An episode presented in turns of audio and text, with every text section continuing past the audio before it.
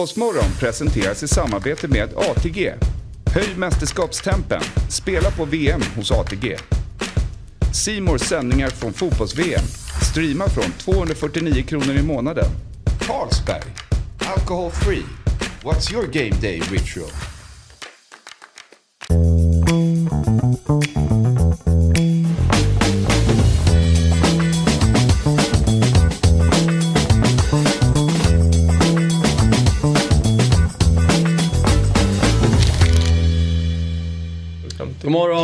Varmt välkomna till Fotbollsmorgon. Lördag, eh, vi drar ju som sagt igång lite senare på helgerna 9.00 för er som är med oss live.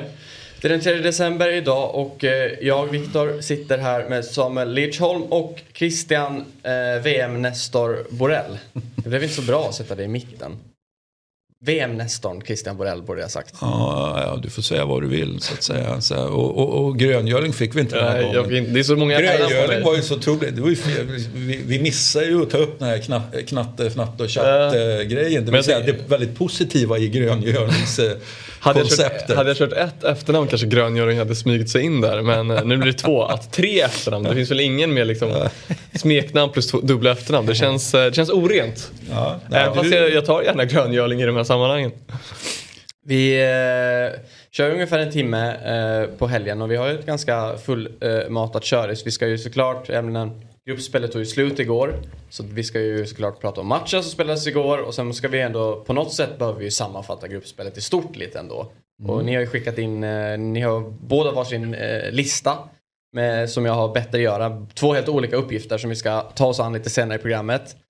Eh, och så ska vi ju såklart, det är ju, det är ju åttondelsfinaler idag. Det känns ju helt, alltså det är bara... Har det varit så tidigare mästerskap att man har gått från att gruppspelet slutar och eh, dagen efter det åttondelsfinal eller har det varit lite pauser? För de har ju Det är ju en komprimerat. jättebra fråga. Ja. Du vet. Ja, jag- jag glömmer nej, men det. Jag har ingen känslan, är, känslan är ju att, att det har varit i alla fall någon slags liten paus. Men, men det, det kan jag inte säga att jag vet. Men eh, man, man är ju lite trött nu kan jag tycka. Jag är inte trött på VM, men jag är trött i VM. Mm. Liksom. Jag, behöver, jag, vill, jag, vill ha, jag behöver ha ett break nu känner jag. Faktiskt, för egen del. Ja. Du Jag- behöver förmodligen inte Nej alls men jag känner att jag är redo att levla upp. Alltså, Ja, ja. jag, jag är verkligen redo för de här... eh, Du vill lite- fortsätta med fyra matcher per dag? Ja men liksom, gärna, så- ja. gärna. Eh, Du vet och- att du har Serie B idag så att du... Ja då. 15.00 Det är där. Visst är det 15? Eller är det 12.30 Eh, matcherna det är bara två matcher då, för de, de tar ju sig friheten att spela på söndagar då när, när Mm. Serie A inte spelar. Så, så man vill ju egentligen spela på söndagar men man får ju inte av, av, ja, av, av rättighetsskäl och, och tv-rättigheter hit och dit. Liksom. Så att, eh, men du har matcher att, att, att Jag har välja matcher på. att plöja. Ja. Ja. det ska jag göra. Ser du mer fram emot Serie B idag än idag? Absolut. Om det hade varit Ja, VM, så är det ju. Om det hade varit VM-final idag? Nej, då hade det väl kanske svaret varit ett annorlunda. eh, annorlunda då. Men väga dem mot varandra är såklart också svårt. Jag menar, vi är ju mitt i ligalunken i Serie B. Det är inte så att det är, något avgörande skede. Men, men liksom det, Serie B är en, en, en väldigt eh, svår serie. Så alla, alltså så här, alla matcher är viktiga. Man tycker så här, men det är bara en lunk. Det går att ta, ta igen liksom på, på, på våren. Ja, men det kan vara de här tre poängen i eftermiddag och imorgon då som, som kan vara avgörande. Och vilka vinner då? Ett svar ett lag. Eh, Serie B? Ja, det är ju tre som går upp då till att börja med. Så att, Ja, eh, men nu vill ha vinnaren. Ja, jag, jag kan inte säga att jag har någon vin- alltså, vinna. Är det, ja, jo, det, det är klart att det är extra fint att vinna. Va? Men huvudsaken är ju att gå upp. Ja. Men det härliga är ju att det är massor med så kallade storlag, alltså favoriter inför till exempel Genoa som, som ja, men, ny ägare, mycket pengar och hela det perspektivet. Ja, men de skulle liksom självklart gå upp. Parma skulle liksom hitta någon slags form som gjorde att de faktiskt kunde gå upp istället för att skämma ut sig som de har gjort eh, egentligen sen de, sen de åkte ur. Eh, men jag är inte så säker på att någon av dem går upp. Utan jag har rätt mycket fokus då på, på, det är så tråkigt att säga nu, men jag hade fokus redan innan på Frosinone och de leder ju faktiskt med fem poäng nu. Så de har ju gjort en, en, en mini-Napoli den här säsongen på ett häftigt sätt. Med Fabio Grosso som tränare. Ja, och eh, Rodén på offensivt mittfält spelar ju 4-2-3-1. Kör ju de då. Men eh, ja, all respekt till Serie B, men det Ja. kommer inte bli mer Serie B här idag, tror Nej. jag. Om inte du lyckas kuppa in något. Nej, jag får göra mitt bästa. Ja. Vi ska, vi, det kommer ju såklart, det är ju mest VM-fokus eh, när vi kör de här helgprogrammen. Vi ska ändå ha lite, lite svensk eh, och allsvensk fokus tänkte jag. Och eh, vi ska strax ha med oss eh, Daniel Disco Kristoffersson och han ska ge oss en liten silly update. Det kom ju lite nyheter igår. Men strax innan det tänker jag bara att spelschemat släpptes ju igår för allsvenskan. Jag tänker inte att vi ska gå igenom det, men jag tänker bara att vi kan väl i alla fall bara ta upp premiäromgången och se Eh, kolla på den och den är ändå, det är ändå högt, högt aktuellt för dig. Ja, För du absolut. ska ju, det man kan ju aldrig säga aldrig och man vet ju aldrig men du, Nej. eventuellt kommer du spela i den. Eventuellt så spelar vi väl premiären om jag förstår att det är, alltså nu är ju inte exakta dagar och eh, eh, speltider satta men jag antar att eftersom vi satt högst upp så eh, ska väl vi spela någon slags premiär. Just det, den, och den lär ju vara dagen in. Alltså typ, Ja, lördagen då, den första då. Okej, en lördag. Första. Ja. Ja, men eh, första omgången då för de som lyssnar. Det är Djurgården ställs mot eh, Samuels, Brommapojkarna, Hammarby Degerfors, IFK Göteborg, Värnamo, Malmö FF, Kalmar FF. Den är ju intressant också. ja verkligen. Sett har. Det, det känns som att alltså, alltid när det är någonting sånt där sker så det, ska, det sätts mot varandra. Men En ärlig fråga då, jag som inte vet. Lottas det? alltså eller... bara vara så. Är det det du säger? Ja, men lottas Eller det ska här, vi börja, Eller... är det varma kalla bollar? Ja, men jag tror det är varma bollar alltså. Ja men lottas det här eller är det några som sitter och tänker... Eller jag har faktiskt ingen Jag aning vet hur det faktiskt inte. Det känns ju som att Det är konstigt att lotta. alla omgångar kanske. Jag vet inte. Ja, men det är väl, de har väl något system. jag. Ja. Men IFK Norrköping... på en knapp helt enkelt. Ja, Ja, kanske så är det ett, kanske. Ett datorprogram. Simulationsprogram. Ja. Norrköping, Sirius, Elfsborg, Häcken, Halmstad, AIK och Mjällby, Varberg. Och sen har vi ju, om, så har vi också i grafik här då, den sista omgången. Um, man kan väl ändå, det är ändå inte, eller ser du två guldaspira, eventuella guldaspiranter Samuel som skulle kunna tänkas mötas? Är det BP Häcken? då, BP? Häcken då, Ja, omgång ja. 30. Det är på Grimsta, 30 omgången 12 november. Då date. smäller det. Ja, verkligen. Då ser vi vilka som vinner och vilka som kommer tvåa i Det känns Allsvenskan. kallt. Alltså, in, in, inte för att matchen, Matchen är stekhet, men, eh, kallt på läktaren. Ja. Ta med filt och vantar och allting. Ja, kanske, nej, mm, den... Det är väl den då. Ja, Ja. precis. Ja, nej. Det är inte så intressant egentligen att kolla på det. Det är ju kul att kolla i alla fall premiäromgången. Jag menar, det kommer ju vara, det kommer gå så här och sen så, så har ju allsvenskan dragit igång. ja, men det hoppas Så man verkligen. Första till 3 april omgång 1. Så ni kommer spela den första april. Jag antar det baserat på det här, men det kanske Disco vet bättre än jag. Är det någon Mm. som har hört? Jag tror inte jag hörde det. just det. De ligger där. Jag har dem där under. Det är jag som har kopplat i dem men jag glömde att liksom ge dem till dig. Men jag tror vi har, eh, jag tror vi har eh, Disco med oss. Han kanske till och med suttit och lyssnat nu så han kanske, eh, ja men jag säger först och främst eh, god morgon på dig Daniel. Du sitter i soffan och, och har en skön lördagsförmiddag säger jag. Ja, verkligen. God morgon. Du, eh, eller vi pratade lite om allsvenska spelschemat. Är det så att det, vet, vet du hur det går till när de sätter upp det? Nej, men det känns ju som det är lite stageat ganska ofta, att det är liksom uppgjort ibland. Dels med tanke på här premiäromgången nu med Rydström mot eh, Kalmar. Och sen är det liksom aldrig något derbyn under industrisemestern heller när, för att liksom det ska lockas mycket folk. Så att det känns ju som att de trixar med det där. Så är det säkert inte, men känslan är, man får är att det är så i alla fall. Ja, ja, jag fick faktiskt ett meddelande av Anders, eh, min chef här. Han skrev ingen lottning av spelschema. Klubbarna får ha önskemål, sen lägger det schema som de tror blir bäst. Ja, precis så är det nog. Det, det har varit för mycket, annars har det för, varit mycket för bra lottningar för klubbarna för att det ska vara en slump liksom. Men tänker vi ha då Malmö önskat Kalmar eller tvärtom? Det är ju väldigt det är ju spännande. intressant. Ja. Ja. Det var... Ja, de vill ha en hype där direkt första omgången. Mm. Ja, men det är ju smart. Det ska de väl ha antar jag. Men eh, vi har ju med oss, eller du är med oss här. Vi brukar ju ringa upp dig med jämna mellanrum för vi vill ju ha en update vad som händer eh, på den svenska sillyscenen. Och du får, eller även internationellt om du sitter på några bomber. Det händer ju ibland det också. Men det hetaste just nu det är väl ändå att eh, Hammarbys eh, tränare Martin Cifuentes ryktas till QPR. Ja, precis. Eh, QPR är ju ute efter en ny tränare nu sen eh, Michael Beal där eh, drog ju, köptes loss av Glasgow Rangers bara för förra veckan tror jag. Eller om det var den här veckan till och med. Så de söker ny tränare och har hört av sig till Hammarby. De fick ett samtal i, i dagarna här om att QPR ville ha ett möte med Cifuentes. Ska väl ha det mötet till nästa vecka tror jag. Som jag fattar det med ägarna och med sportchefen där.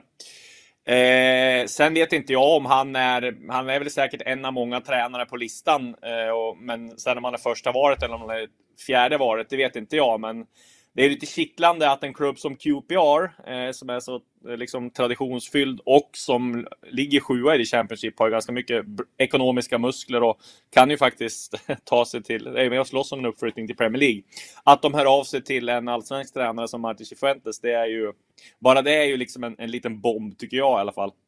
Sen tittar man ju rent krasst på det så kanske inte är så konstigt att lagen i England börjar titta mot Skandinavien och kanske framförallt Sverige. Då. Vi har ju eh, Graham Potters eh, arv liksom som har gjort det bra. Det är klart att det ger ju ringar på vattnet. Sen tror jag man glömmer också eh, Jon Dahl Tomasson har gjort ett fantastiskt jobb i Blackburn. Hyllad.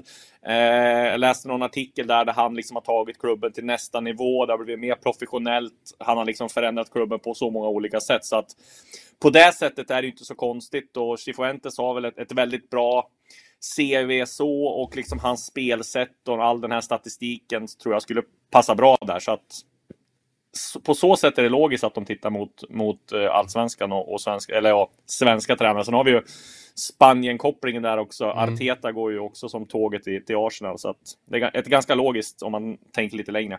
Mm. Är det så att Bayern rekryterar för bra tränare? Ja, det verkar ju onekligen så. Ja, det, men det är ju det som jag kollar på u landslaget också, liksom, eh, där de har rekryterat för bra tränare och där Poja och Jens har, har försvunnit ganska fort. Och det är där Sverige är i näringskedjan. Och sen är det ju så att svenska tränare, det är ju väldigt få svenska tränare som har kommit utanför Skandinavien och, och får de ett sånt erbjudande, eller få tränare från allsvenskan som har kommit utanför Skandinavien och, och får de ett sånt erbjudande så, så liksom det är svårt att säga nej till det. Så att jag tror att alltså, vill QPR ha Cifuentes så, så, så hoppar han ju på det såklart. Ja, verkligen. Och du säger ju det, jag menar, om de ska träffa honom nästa vecka och eh, det är ju, han är säkert en av många kandidater så det kanske är svårt att mm. säga någonting mer om nu hur sannolikt det är och sådär. Men ja. vad, jag menar, det känns ju som att han kanske har erbjudanden från andra håll utöver QPR eller tror du annars? Det har, det har inte jag hört någonting om, men eh, det är väl inte helt eh, omöjligt i så fall. Sen är det ju svårt, det är få tränarjobb lediga nu som är, som är liksom lockande och sådär. Men det är väl Bröndby kanske som är ledigt också. Men, eh, och där är väl Hammar, ligger väl Hammarby kanske lite steget längre. Kanske inte ekonomiskt, men, men just eh, titelutmanarmässigt. Bröndby har väl en liten en down-period. Så att, nej, men det, det, jag har inte hört att han skulle ha något, något annat erbjudande i alla fall. Nej. Har du, eller har det liksom ryktats eller bara, inte kanske konkret så, men vem skulle vara en tänkbar ersättare om han lämnar? Tror du att de let, letar nej, utanför har, Sverige igen då? Eller? Färskt, ja. Det här är så pass färskt så jag tror inte de har liksom ens tänkt på det. Men jag menar, tittar vi på svenska tränare så, om vi ska bara spekulera, så finns det ju inte så många kvar. Alla är ju upptagna. Men jag menar, sån som Kim Hellberg borde kanske vara aktuell. Eh, Jens Gustafsson som är i Pogon Szczecin, på vad han vill. Han har ju varit aktuell för Hammarby tidigare och Jesper Jansson ville ju ha in Jens G tidigare. Men jag menar, han trivs väl rätt bra i Pogon Szczecin och värvar väl Linus Wahlqvist dit nu och han plockar spela så att han skulle flytta till, till Hammarby nu. Det, eh, det är väl om man får sparken i så fall då. Men Nej, det finns ju, det är få namn där ute som Ja, men så som Poya Asbaghi, om han, eh, assisterar, han är ju assisterande i Röda Stjärnan, om han vill ta ett huvudtränarjobb och blir i, i Hammarby igen, ja, det, det, det är liksom bara spekulationer, men ja, bland svenska tränare är det ju en, en krympt marknad. Mm, ja, verkligen. Ja, och den andra heta, heta sillryktet från igår egentligen, det är väl Jakob Bergström till Djurgården då. Var, han var ju mer eller mindre klar för Halmstad häromdagen. Vad, vad ja, precis. Vad, släng, vad slängde Bosse upp för kontrakt där? Nej, jag tror inte det var att han slängde. Det var inte några ekonomiska som lockade han. Det var mer att Djurgården var intresserad tror jag. Det var väl inga ekonomiska. Det var väl inte liksom ekonomin som var avgörande där. Det är väl mer att Jakob Bergström har ett Djurgårdshjärta, är väl Djurgården och när Djurgården kom in och fick. Det har väl pågått det här några dagar. Han var ju muntligt överens med Halmstad. Djurgården var väl lite fram och tillbaka och så där, men när Djurgården sen bestämde sig att köra då på torsdagskvällen så så var det ju eh, så att Bergström eh, ja, tackade nej till Halmstad och de blev väldigt besvikna tror jag. Och nu har han tackat ja till Djurgården så han blivit klar här vilken dag som helst. Eh, och är det är sånt som kan hända i silly season-svängen och ja, men det, det är ju lite eh, jag tror, ja, som sagt, väldigt besvikna miner i Halmstad, för där var han ju, han var ju muntligt överens med dem. Men inget är klart förrän det påskrivet. Det har vi lärt oss i den här silly-cirkusen. Det känns ändå, eller vad säger du som? Det känns som att han hade kanske haft en mer ordinarie roll i ett Halmstad kontra ett Djurgården. Ja, alltså jag tror att det blir en rollspelare kanske i Djurgården. Eh, men det är inte en fel rollspelare att ha. Eh, de ska spela väldigt mycket matcher och avgörande matcher så att jag tror att eh, det kan bli bra för Djurgården att få in en sån spelartyp. Tror ni att det är en eh, rak ersättare till eh, Kalle Holmberg som lämnar? Eller? Alltså de är väldigt olika i spelstilen men hans roll kommer han nog få liknande av att kanske få lite mindre matcher, lite fler inhopp. Eh, det tror jag nog absolut. Vad, vad vad händer mer då Daniel? Finns det några andra rykten som, som nått dig? Nej, men det är väl att Djurgården siktar på att göra klart med den här BP-trion då, Ode Falk och bröderna Bergvall. Det är väl i princip eh, de vi har ju meddelat att de vill till Djurgården och, och ska dit liksom. BP har väl haft en ambition av att försöka sälja dem utomlands och sådär, men eh, jag tror att det är, det är liksom skrivet i sten nu och de har bestämt sig. De ska till Djurgården. Nu är det bara liksom att de ska komma överens om de sista detaljerna med, med BP då, så att ja, det blir spännande att se vad eh, vad, hur, hur deras utveckling kommer vara i Djurgården. Framförallt då Lukas Bergvall som kanske är ja, en av svensk fotbolls mest spännande spelare. Eh, hur, eh, ja, och det har ju kopplingen där till Peter Kisvalode också i Djurgården. Så att, eh, det är väl den trion som, som eh, det snackas eh, mest om såklart. Eh, ja, men sen är det AIKs eh, fönster, vad de gör. De är ju fortfarande inte klara. De ska ha in tre värvningar till. Eh, Malmö är inte heller klara, ska in ett par spelare till där. Eh, De jobbar väl fortfarande, har väl en dröm om att få in Ponny Jansson här, eh, framförallt i sommaren då. Eh, så att nej, det kommer hända. Och jag menar AIKs VD Emanuel Lindberg lovar väl också här i Testastöd att de, att de skulle få till en sillybomb. Så att ska försöka gräva i det, vad, vad som händer där. Mm. Och en sportchef. Ja, precis en sportchef också. Ja. Men det kanske blir han ändå som tar över där. Han verkar rätt sugen på, på det jobbet känns det som. Ja, okej. Ja, men intressant. Eh, ja, vi får... Eller så här, tror du att eh, just de här... Du snackar ju ändå om, det är ju nästan alla storlagen som har en del business som ska göras. Tror du det mesta kommer ske nu innan årsskiftet eller kan det liksom bli på andra sidan? Ja, det är olika det där, men det brukar ju, om man ska se rent statistiskt då, så brukar det ju ske en del veckan innan jul. Eh, de brukar vilja ha klart det då. Eh, I mellandagarna brukar det hända, hända en del. Sen brukar det ske en del efter årsskiftet. Sen är det ju så här också att det utländska transferfönstret stänger ju, 30, alltså de flesta utländska fönster stänger ju 31 januari. Så till exempel en sån som Hjalmar Ekdal, när han tar beslut och vilken klubb det blir, han kan ju vänta liksom in i det längsta och, och då kan det bli liksom i mitten av januari, slutet av januari. Och jag menar, allsvenska klubbar får, ju- får ju värva spelare då, så att det kan bli rätt utdragna utdragna processer. Att allsvenska klubbar får ju ta in liksom spelare även i februari och mars, eh, liksom ända till nästan början av april. Så att Nej, jag tror inte de flesta affärer kommer göras klart redan nu innan, ny, eh, ny- innan nyår, utan jag skulle nog snarare säga tvärtom. Att det blir nog mer att vi får vänta på, på rätt många affärer efter, efter årsskiftet. Även om det kan ske en del här i veckan. Men här i veckan också. Ja, grymt. Eh, tack så mycket Daniel. Eh, vi får tack. att återkomma vad det lider helt enkelt. Ja, vi lämnar den svenska fotbollen då och tar oss till världsmästerskapet. Och vi kan väl bara börja med liksom, eh, det som alla som ser oss rörligt tänker på. Att vi saknar ju en person i studion. Ja, eller en kakburk i En alla fall. kakburk. I form av eh, Edison Cavani. Ja, jag, vi säger så här, jag satte ju inte den. Jag sa ju att han var med för att, eh, vi, ja, men att vissa saker skulle hända i det här VM-slutspelet. Så att eh, jag valde tydligen fel, eh, om det sen är strategi eller taktik, det kan man alltid diskutera. Eller fel eh, kakburk. Det blev fel eh, för, för, ur ett Uruguay-perspektiv och även ett Borrell-perspektiv. För jag ville ju ha dem vidare såklart. Ja, exakt. Eh, Du- Sydamerikanskt perspektiv dessutom. Ja. Och jag menar, när vi gjorde våra införprogram, du, jag menar, du höll ju ändå Uruguay som en favorit i gruppen och hade höga förväntningar på dem. Hur, Absolut. Hur besviken är du? Nej, men jag är jättebesviken. Jag är väl precis lika besviken som eh, uruguayanerna själva misstänker. Jag tycker med fast i hand. Vi hade den här diskussionen förra helgen där om, om, om saker var liksom, kan vara för bra, bra, tillräckligt bra, för dåligt. Ehm, eh, och jag sa ju att där och då att jag tyckte att det, det var ingen fara. Det var liksom alltså första, första matchen då mot, eh, mot Sydkorea. Ja, men att det, ja, men det är lugnt, de fixar det här i alla fall. Och det, och det trodde jag ju även, eh, ja, eh, även in, inför sista omgången. Men så blev det inte. Det finns ju en fantastisk, eh, inte aktion, jag vet inte vad man ska kalla det, när eh, Ghana missar straffen. Och Valverde springer fram och firar mot domaren och springer efter domaren och firar mot honom. Det tycker jag är helt enormt. Det är eh, mm. Ja, Jäklar, nice tyckte jag det var. Det finns på Twitter någonstans säkert men det är ett eh, fantastiskt klipp.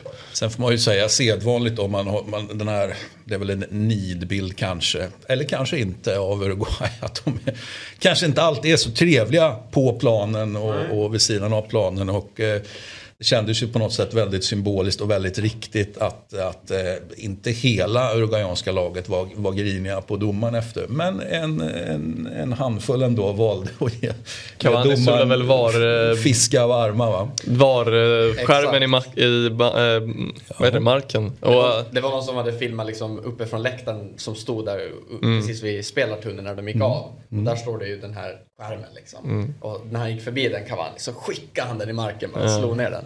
Och på grund av då den här straffsituationen. Jag tänker att kanske vi ska ändå... Men jag tänker också, deras, nu kommer jag inte ihåg vad deras förbundskapten heter Uruguay eftersom de har ny. Eh, men han byter ut eh, Bentancour i minut 30. Mm. Eh, för att han har då två gula antar jag. Eller ett gult och inte vill bli avstängd nästa omgång. Mm. Nej men skadade han inte sig? Skadade han sig? Ja men jag får med han satt ju ner och liksom såg ganska emotionell ut. Och de kom jag, trodde, jag trodde absolut att det var taktiskt för att han inte skulle på sig. De liksom har gjort två mål. Uh, han ska inte ah, dra på sig okay. till gult. Uh, då byter man in Vesino istället. Mm. Det tänkte jag att det var. Och det tänkte jag att det hade varit en helt... Att åka ut på ett sånt liksom, taktiskt byte i minut 30 det är ju anmärkningsvärt. Men då åker jag helt fel. Jag tror, alltså så här, jag är inte helt hundra men jag, alltså, jag, det såg ja, han, såg, han, ja. han såg ju ut att ha i alla fall känning. Sen, okay. sen kan man ju säga... Så det kanske eh, var en blandning? En blandning, ja mm. precis. Hade han kunnat, han kanske hade kunnat spela men nu kanske var, men vi leder, vi kan, vi kan safea där. Liksom. Mm, mm. Eh, vi får väl se. Ja. Vad, som, vad som blir historieskrivningen där. Men vad, just den här straffsituationen eh, med Cavani, det är ju ändå i slutminuterna och den hade ju det hade ju kunnat gjort saker ändå. Eller de hade ju tagit sig vidare om de hade gjort ett mål. Mm. Vad Tycker ni det var straff? Eh, jag tycker att det var straff men jag tror att de inte dömde straff för att det har varit en hel del eh, snackerier om för enkla straffar. Bland annat där vi såg om det var igår, nej det kan inte vara i förrgår eller vad det var, när Messi får sin straff mot Polen. Mm. Tre dagar sedan kanske det var. Eh, lätt att blanda ihop dagarna här. Men att den är ju så extremt soft så det finns inte. Chesney och, ja, honom i ansiktet. Precis, ja. eller ja, pillar han lite i näsan kanske. Ja. Men eh, och då tror jag att det blir en sån hype på sociala medier och jag menar de här domarna är också människor. Deras chef, Colina eller vem det nu är, någon mellanchef där eh, kanske säger vi, måste, vi kan inte bara gå på allt som händer i VAR och dittan och dattan utan det måste vara en, en rejäl smäll. Och att man då liksom försöker statuera exempel här mot Cavani vilket blir någon slags kompensationsdomslut som ändå är fel. Mm. Eh, därför tror jag inte att de tar den straffen. Alltså det jag tänkte först var egentligen att jag tyckte inte nästan heller det var straff för att han försvararen han, liksom, han screenar ju på ett sätt av Cavani lite så att han liksom är framför honom ändå. Att han kanske inte riktigt kan nå bollen men sen har de liksom och sen slår de ju ihop. Mm. Men jag vet fan, sen när man har sett så mycket repriser hit och dit och man blir ju lite påverkad alltid av ja, slow-mo-bilderna. Fast man inte ska bli det för allt ser ju farligt ut i slow motion. Ja. Så ja, jag tycker ändå den är tuff. Vad tycker du? Nej, alltså jag, även om jag eh, så att säga, håller på ett lag, nej, jag har liksom inga problem med att, att det inte döms då helt det, det, måste jag säga. Och sen ska man ju säga det, det är lite som man snackade om kring tysken eh, igår då, eller i förrgår, att ja, jag menar, nu har det visat att bollen var ju inte ute, alltså eh, när Mitoma spelade in den, mm, ja, mm. man gjorde 2-1 målet, men att man får ju skylla sig själv om man sitter i den här situationen inför den sista omgången. Uruguay hade ju absolut kunnat prestera bättre och inte behövt liksom förlita sig på att de ska få en 50-50 straff i slutminuterna för att kunna ta sig vidare. Verkligen. verkligen. De får skylla sig själva, det är inte svårare än så. Mm. Vi ser en bild här också på eh, bildproducenten. Det var ju inte en eller två gånger han klippte in Suarez som satt förtvivlad på bänken. Och det, det, var ju, jag menar de gjorde väl, eh, de fick väl reda på att Sydkorea, Sydkorea gjorde väl sitt 2-1 mål i typ 90, 90 Nej men 92 tror jag. Var det så sent? Ja. Okej, okay, ja men matchen Ghana-Uruguay låg efter. Aha, okay. Det var så okay, okay. Det var ju typ 85 kanske där, mm. när de fick reda på det. Och då direkt sitter han och man ser ju, alltså, det känns som att han håller på att få en panikattack där på uh. bänken. Tårarna börjar rinna, tröjan åker upp så här. Mm. Jag, alltså, det jag störde mig på var, varför går han inte ut, liksom, du är ändå en ledare här, Mm. upp på sidlinjen, mana på ditt lag istället för, det var ju bara som att han hade accepterat nederlaget. Han kände väl karman här någonstans, tänker jag faktiskt. Alltså, och, och, och karma är ju faktiskt svårspöat oavsett. Det här är ju en spelare jag tycker väldigt mycket om. Men eh, även jag ser ju karma-perspektivet väldigt tydligt här, faktiskt. Mm. Jag menar, man såg ju, eh, eller jag såg på Twitter sen att Gyan då, eh, jag menar, det är ju det som var snacket inför med VM 2010 när Suarez visades ut och han räddade den och han missade straffen och sådär. Eh, Men att han, han satt ju i någon studio i Afrika och jag kommer inte ihåg exakt vad han sa nu men jag tror han, det kändes nog ganska skönt för honom. Mm. Även fast då Ghana kommer sist så kändes det Ja. ändå skönt att Uruguay missar. Men man hade ju större, liksom Ghana har ett ganska bra landslag. Jag hade, ja, jag hade Fast det var större inte tro. alls lika bra som det där och då. Nej, Alltså, nej, visst är det så, men det var jag ju tycker ändå att-. Det här är ju inte jättefint, va? även om det kanske är okej. Ja, men de har några spelare som jag ändå tycker är, jag tycker det är ganska charmigt att kolla på det här Ghana. Eh, men likväl så är de sist i gruppen och eh, Sydkorea tar sig vidare. Det är ju, det är, jag måste väl ändå säga, ett tråkigt landslag, Sydkorea. Jag, jag, jag, jag är imponerad av dem. Nej. Jag tycker de är, vilken maskin. Alltså, jag, Maskin- Jag tycker de har varit sämst i, sämst i alla matcher de har spelat i den här gruppen. Alltså de, var sämst, de var sämre än Portugal, de var sämre än Uruguay. Eller, Uruguay och Sydkorea var lika dåliga. Sämre än Serbien och Ghana. Det är ju verkligen min... men fast- bäst arbetsmoral av allihopa då? I gruppen då eller i, i Ja, VM? ja, ja. ja. Säg hela VM då. Ja men ja, har de det gör då? Östlet av sig? Ja, gör de det då? Kanske de gör. Jag tycker ändå det. Alltså, eh, ja, men, just när de matchen med, med Ghana också. När, det var, när de liksom forcerade och de kvitterade där i slutet och sådär. Du vet när de bara, alltså, jag kommer inte ihåg vem det var som nickade in det men liksom, alltså, han, det är som att han tar sats och bara flyger Ja, tre meter. Och så här, sån arbetsmoral. Jag tycker Ja. det, det är lite samma sak med, med, Jap, eller med, Men- och- med Japan också. Alltså, det Ja. känns som att alltså, det är någonting, alltså, de, det känns som att det betyder ännu mer på något sätt för Ja och det är ju extremt häftigt när han gör målen i 92, hela bänken flyger ut, supportrarna nästan gråter på läktaren. Det är det som är det vackra. Men jag tycker ändå att det är lite för många tråkiga lag som går vidare i det här mästerskapet. Eller Ja. lite för många, Australien framförallt är ju Ja, exakt. Om man bäddar det får man ligga, men- eller hur? Va? Ja. Det, det, Vi ska inte gå händelserna i förväg. Det, Nej så är det ju, så är det ju verkligen. Men vad, exakt, och jag menar, eller du, du uttryckte det att du tycker det, du tycker det, du gillar ändå Sydkorea. Ja, ja, det gör jag. Jag har stor respekt för dem. Vi, vi, vi pratade ju om det när vi hade genomgången eller om det var förra, förra helgen. Jag kommer inte riktigt ihåg det. Men, men jag, jag tycker att det är intressant då. För jag tittar absolut på alla lag. Men jag tittar lite extra då på de, på de asiatiska lagen. Där, där ju, de kommer från det här som jag nämnde där och då. Liksom att man har problem med självförtroendet och liksom att den egna förmågan. Hur långt ska den räcka när man möter de här ja, stora nationerna, mer, mer etablerade, så, så viker man allt för ofta ner sig. De har ju absolut kommit från en sån tradition, så jag väntar ju bara på att, att, att ja, för, för att citera dig då, levla upp helt enkelt. Ja. Eh, och, och, ja, jag tycker väl att Sydkorea fortfarande har en, en bättre Alltså ett bättre självförtroende. Nu gick ju Japan vidare också. Men, men eh, jag, jag tycker faktiskt att Sydkorea har smitit förbi där. Mår, mår bra i världen 2022 ändå. Eh, bortsett från att Nordkorea håller på med det de gör. Det kanske inte är så kul. Men, men Sydkoreas plats i, i, i, i ja, en internationell värld någonstans.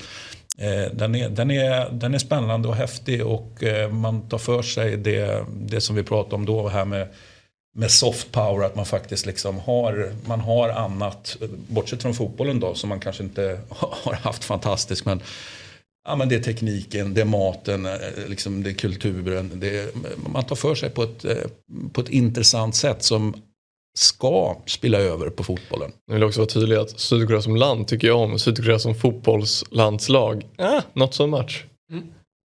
Ja, så får man ju tycka. Ja, Eh, men eh, jag tänkte också på det att det, det känns ändå som att eh, alltså, som en mindre nation då eh, fotbollsmässigt i, eh, när de här gruppspelsmatcherna lottas och man får spelschemat. Det, är, det känns ju spontant ändå som att det verkligen är en fördel att få de större nationerna i den sista omgången. Att de checkar ut då menar du? För Ja. att de är, Vi har ju ändå sett några att de exempel på det ja, jo. Det finns ju vissa sådana exempel. Så finns det ju vissa exempel egentligen på motsatsen också. Mm. Att det kanske inte alls är, Ja, så är bra att- att få stora då, drakar. Sett till då men- att draken är, ja men kanske har vunnit två matcher och redan är vidare, roterar så. Jo, motivation slår klass. eh, Den gamla klassikern. Exakt, jag menar kolla, jag menar man såg, visst nu löser Men det både Japan för... och Kamerun och Exakt. Syd, eller, ja, Sydkorea i det här fallet också. Eh, men det är klart att det kunde ha slutat värre för alla de här olika landslagen. Alltså, vid en period där när Costa Rica skulle gått vidare, eller det var fyra minuter där de var vidare, då var det ju det tyckte jag om. Alltså för, då får Spanien och Tyskland åka. Men då tycker jag att om Spanien är så nonchalanta som de är, då får de fan åka på det alltså.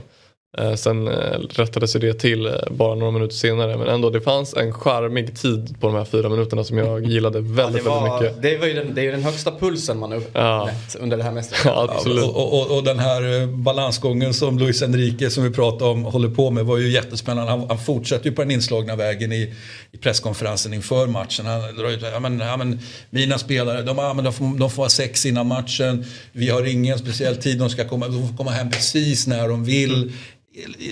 Inga problem. Och sen så var han ju svinförbannad efter matchen. Ja, men han, sa, han sa framförallt att han inte hade någon aning om att Costa Rica ledde mot Tyskland eller, ja, och då i det fallet var vidare.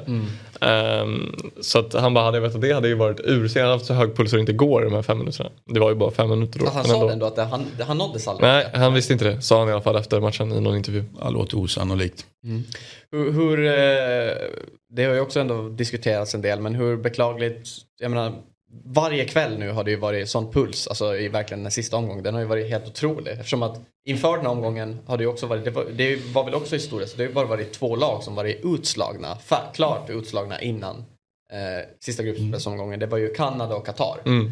Ehm, och jag menar, det blir ju sån jäkla spänning och det slår upp och ner. Och till nästa VM kommer man inte få uppleva det här för det kommer ju vara tre lag i varje grupp. Ja. Ja, det- det- Jag är inte riktigt för så många lag i ett VM. Nej, Det här är väl kan man ju 48 omöjligt. lag. Ja men det här är väl någon slags maxgräns får det väl vara. Alltså, jag kan gärna ta ner det några. Alltså, jag är ju lite för mycket Martin Åslunds i det här att jag vill se de bästa möta de bästa oftast. Jag tycker det är lite charmigt när mindre fotbollsnationer spelar bra och går vidare och är bra. Men det blir lite för mycket för mig att man bara står liksom på egen plan väntar ut ett kontringsläge, kanske gör ett mål. För mig blir det liksom, det blir lite för tråkiga matchbilder hela tiden. Jag tycker vi har haft lite för många lag, speciellt de första, den första omgången eller de första två omgångarna som har spelat på det viset. Och liksom premierats på det någonstans. Sen är ju det en resultatinriktad bransch, man får spela exakt som man vill. Men jag tycker att som underhållningsvärde kan det bli lite för, eh, för tråkigt helt enkelt. Vad känner du om grupper om tre? Nej, nej, nej, nej. Det vill jag inte ha. Va? Men jag, jag skulle kunna tänka mig att krympa det här också. Då. Jag, jag, jag, vill ju ha, jag vill hålla det så tight som möjligt. Det tycker jag är det finaste någonstans. Att de, att de bästa är där. Sen har vi ju, finns det som bekant andra åsikter. Eh, Martin som du nämnde, han, han vill ju ha så stort VM som möjligt för att liksom missionera fotbollen runt om i världen och få maximal, eh, ja, men maximalt mediautrymme och maximalt intresse och ett ökat intresse och så vidare. Men där är ju inte jag alls utan det här är ju jag mår ju egentligen nästan dåligt att det är så här stort. Va? Jag, och, sen, och sen blir det ännu större nästa gång och så. Nej, Nej, jag menade att jag var Martin åsikt, jag menade att han säger alltid att de bästa ska möta de bästa. Ja. Det var inte att jag vill ha så många lag som möjligt för det vill jag ju verkligen inte. Där är jag nej, nej men det förstår jag också. åsikten. Ja. Men, men Martin driver ju, han, han vill ju ha så många lag som möjligt. Alltså, Han, han, det känns som att han vill ha hundra. Ja. Typ, om man får. Då hade man ju inte kollat de första omgångarna. Det hade man ju inte gjort. Nej, då hade man checkat ut, eller hur? Ja, absolut. När två.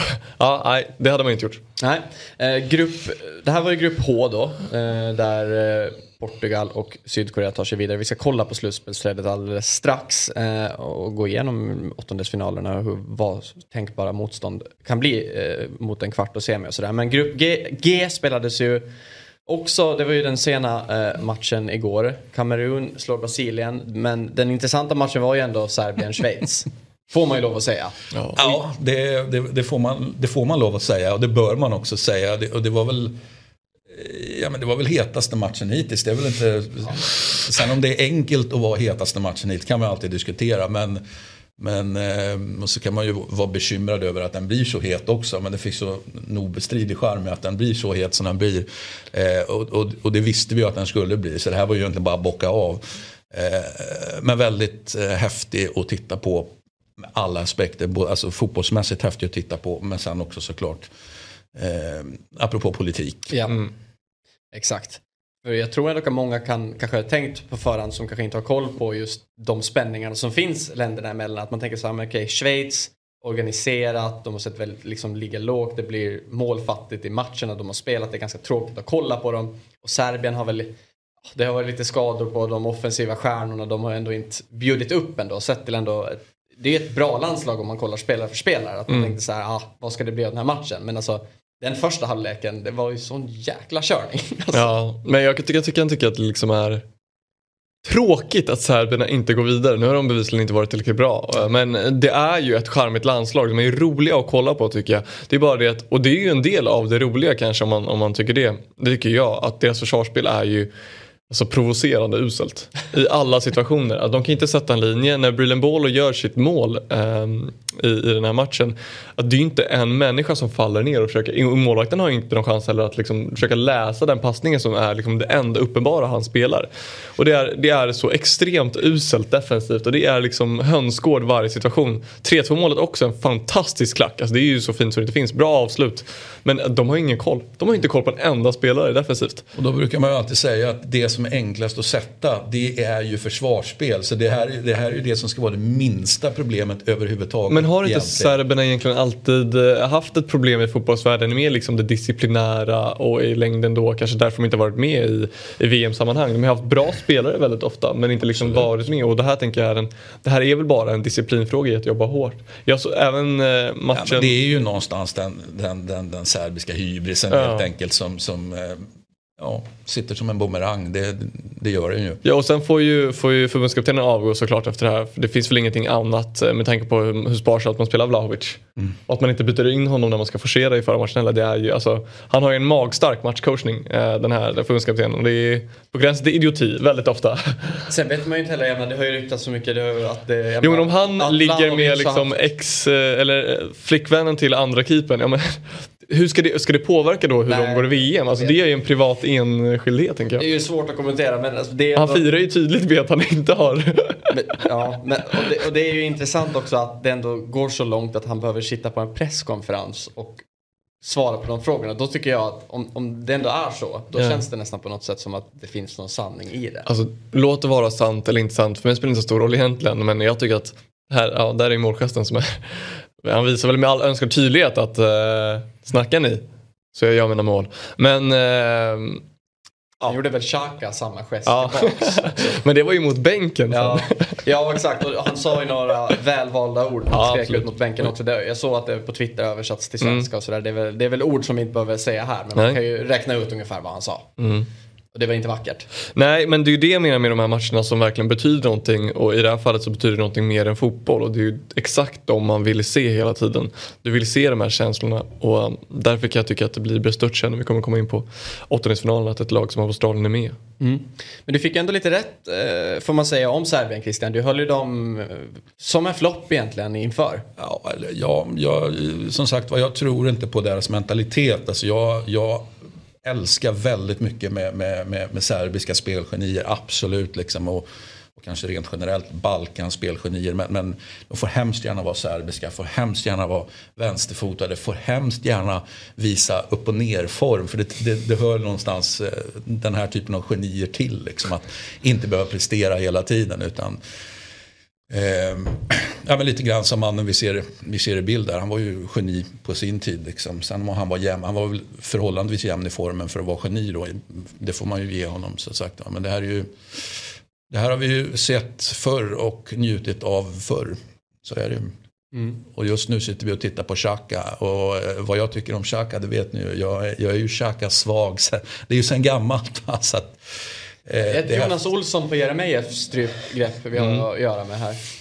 Och, ja, Andreas alltså, Alm hade inte tyckt om det. Nej, och jag, jag är inte lika mycket Andreas Alm där som kanske inte, jag tycker att det är ett löst strypgrepp eller visar lite känslor. Ja, må så vara i den här matchen, må så vara. Det är ingen som kommer till skada här ändå. Så länge ingen kommer till skada så tycker jag att det är... Men blev du orolig där då Christian? Sett till, jag vet ju att du tycker om Xhaka väldigt mycket, han spelar i ditt Arsenal och så vidare. Mm. Jag menar, det, det, det blev ju riktigt hett där i slutet. Att, ja, så här, kan han, att om man skulle till och med att det skulle kunna sluta med att han delar ut någon smock eller någonting och plötsligt han, eh, liksom, missar han en åttondelsfinal final. Mm. Ja, du menar ett VM-perspektiv. Mm. Ja. Eh, nej, alltså jag, jag, är, jag har slutat för länge sedan att vara orolig över Xhaka. För att, för att det går inte. Det är en av de här grejerna. Du kan liksom inte hålla på. Har du Xhaka så, så är Xhaka som Xhaka är. Och, och, och, man kan inte hålla på och oroa sig liksom för lagt kort ligger. Mm. Och det är ett jävla fint kort liksom. Xhaka-kortet är hur länge, Men hur länge har det varit liksom, team Xhaka? För att jag har ja, stört mig hade... ganska mycket på Xhaka tills typ det här. Alltså, jag tycker att det här, det här är liksom, det är, det är den, lite av den skärmen jag tycker är kul att se på. Och sen tycker jag att han har varit väldigt bra i år i Arsenal. Men tidigare säsonger tycker jag att han har förstört väldigt mycket för Arsenal.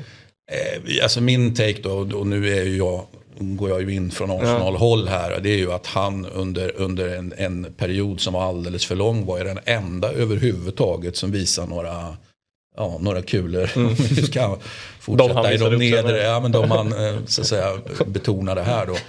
Eh, så var det, väldigt, var ju skönt att bara se en Arsenal-spelare som går in och, och bara sänkte motståndaren, tog ett rött eller gult eller alltså bara var kanske genuint ful. Mm. Istället för att springa omkring och, liksom, och be om ursäkt på plan. För det var, det var ju därifrån Arsenal kom under mm. slutet på ja, Monsieurs tid och sen, och sen vidare. Det, var ju liksom, det, det fanns ju ingen karaktär överhuvudtaget. Han var den enda spelaren mm. som hade karaktär och kunde Eh, så jag hade inga problem med, så länge han, återigen man ska inte skada motståndaren där. Men, men det uppfattade jag väl inte att han gjorde. Utan, men han kunde spela riktigt, riktigt fult och, och, och, och korten haglade. Liksom, absolut inga problem med det. Jag tyckte det var helt underbart där och då.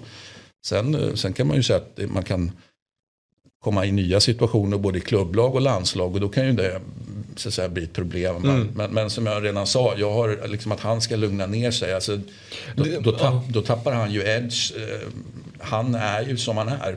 Det är, inte, det är inte riktigt där jag heller har stört mig. Jag har stört mig mest på hans beslutsfattning på plan. Alltså mm. i sådana lägen att han, när Arsenal såklart inte har varit lika bra, har kunnat tagit extremt dåliga beslut med boll. Alltså, han har ju en väldigt fin fot och bra tryck i den dojan.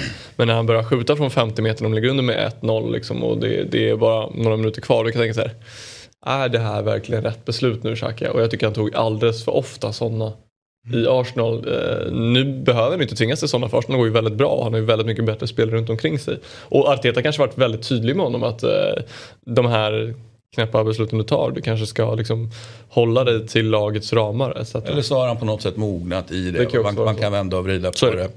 Jag, jag föll för honom i alla fall en gång i tiden i landslaget kan jag väl tillägga. Eh, när jag såg eh, Schweiz spelade just, eh, jag kommer ihåg det var han och, och Shakiri och det, det, var liksom en, ja men deras gyllene generation som var på väg upp. Och det var ju rätt mycket fokus på, inte nödvändigtvis Xhaka, men liksom Shakiri kanske var den som var, men, men jag bara, oh, vilken fot han hade, var det liksom. Då, då, tänkte inte jag så mycket på inställning just i den landskampen som jag, när jag föll för honom, utan där var det just hans, hans eh, så att säga, genial speluppfattning tyckte jag där och mm. då och helt underbar fot. Liksom. Så det är egentligen min, min original-take på Xhaka.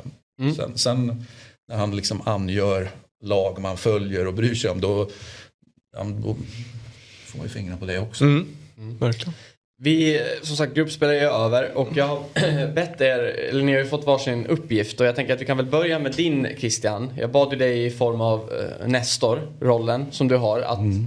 jag menar ta ut liksom, egentligen bara, inte en lista 1 till 5 utan bara lista några reflektioner du har i stort eh, under gruppspelet. Ja, så, exakt så här långt då. Jag, jag, just det här sammanfattningar, alltså mitt uppe i, jag är egentligen emot det. Men, men nu har jag i alla fall eh, gjort en lista mm. med fem punkter som jag tycker är ja, men är värda att diskutera och har varit liksom signifikanta. Då. Och den första är ju då eh, de här evighetslånga matcherna som, som jag absolut är motståndare till. Och bara, alltså, vad, vad är det här? De du här, tänker liksom, på all, all tilläggstid? All tilläggstid. Ja. Det blir ju liksom vi kommer ju från någon, det här börjar ju sakta men säkert närma sig effektiv tid. Va? Och jag vill ju absolut inte att vi ska komma till effektiv tid överhuvudtaget. Fotboll är, eh, må vara effektiv men det ska inte handla om effektiv tid. Men här är ju, eh, det, det, man, jag tror alla känner att, att ja, som jag säger i farans liksom förlängning här så, så ligger den effektiva tiden. Och,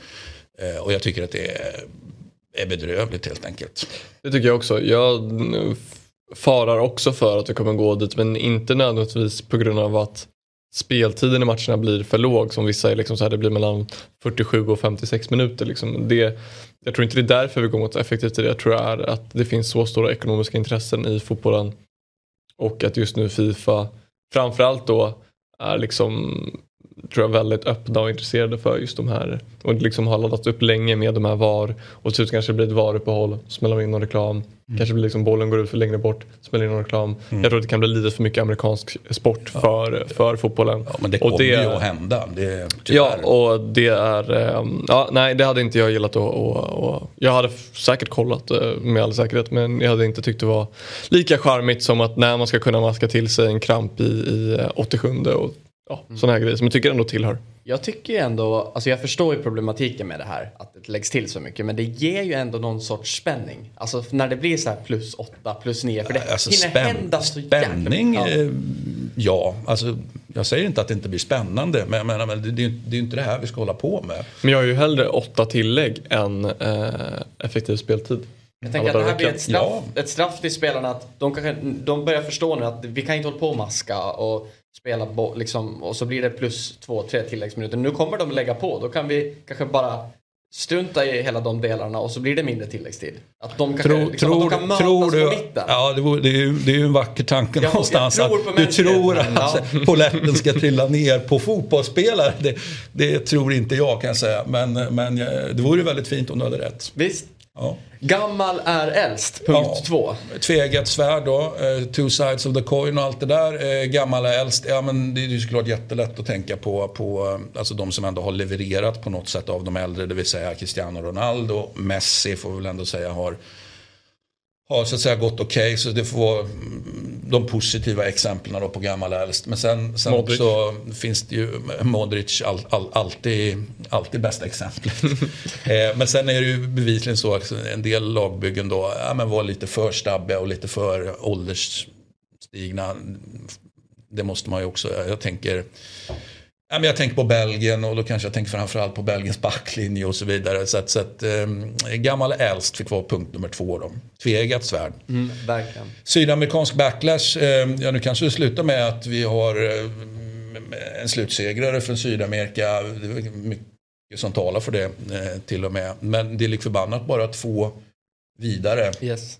från Sydamerika. Och uh, det tycker jag är ett om man tittar på den fotbollskontinenten. Okej, okay, nu har ni alltså lika många lag som, som Afrika och nu när Australien har angjort Asien så har alltså Asien fler lag än vad den här otroliga fotbollskontinenten Sydamerika har.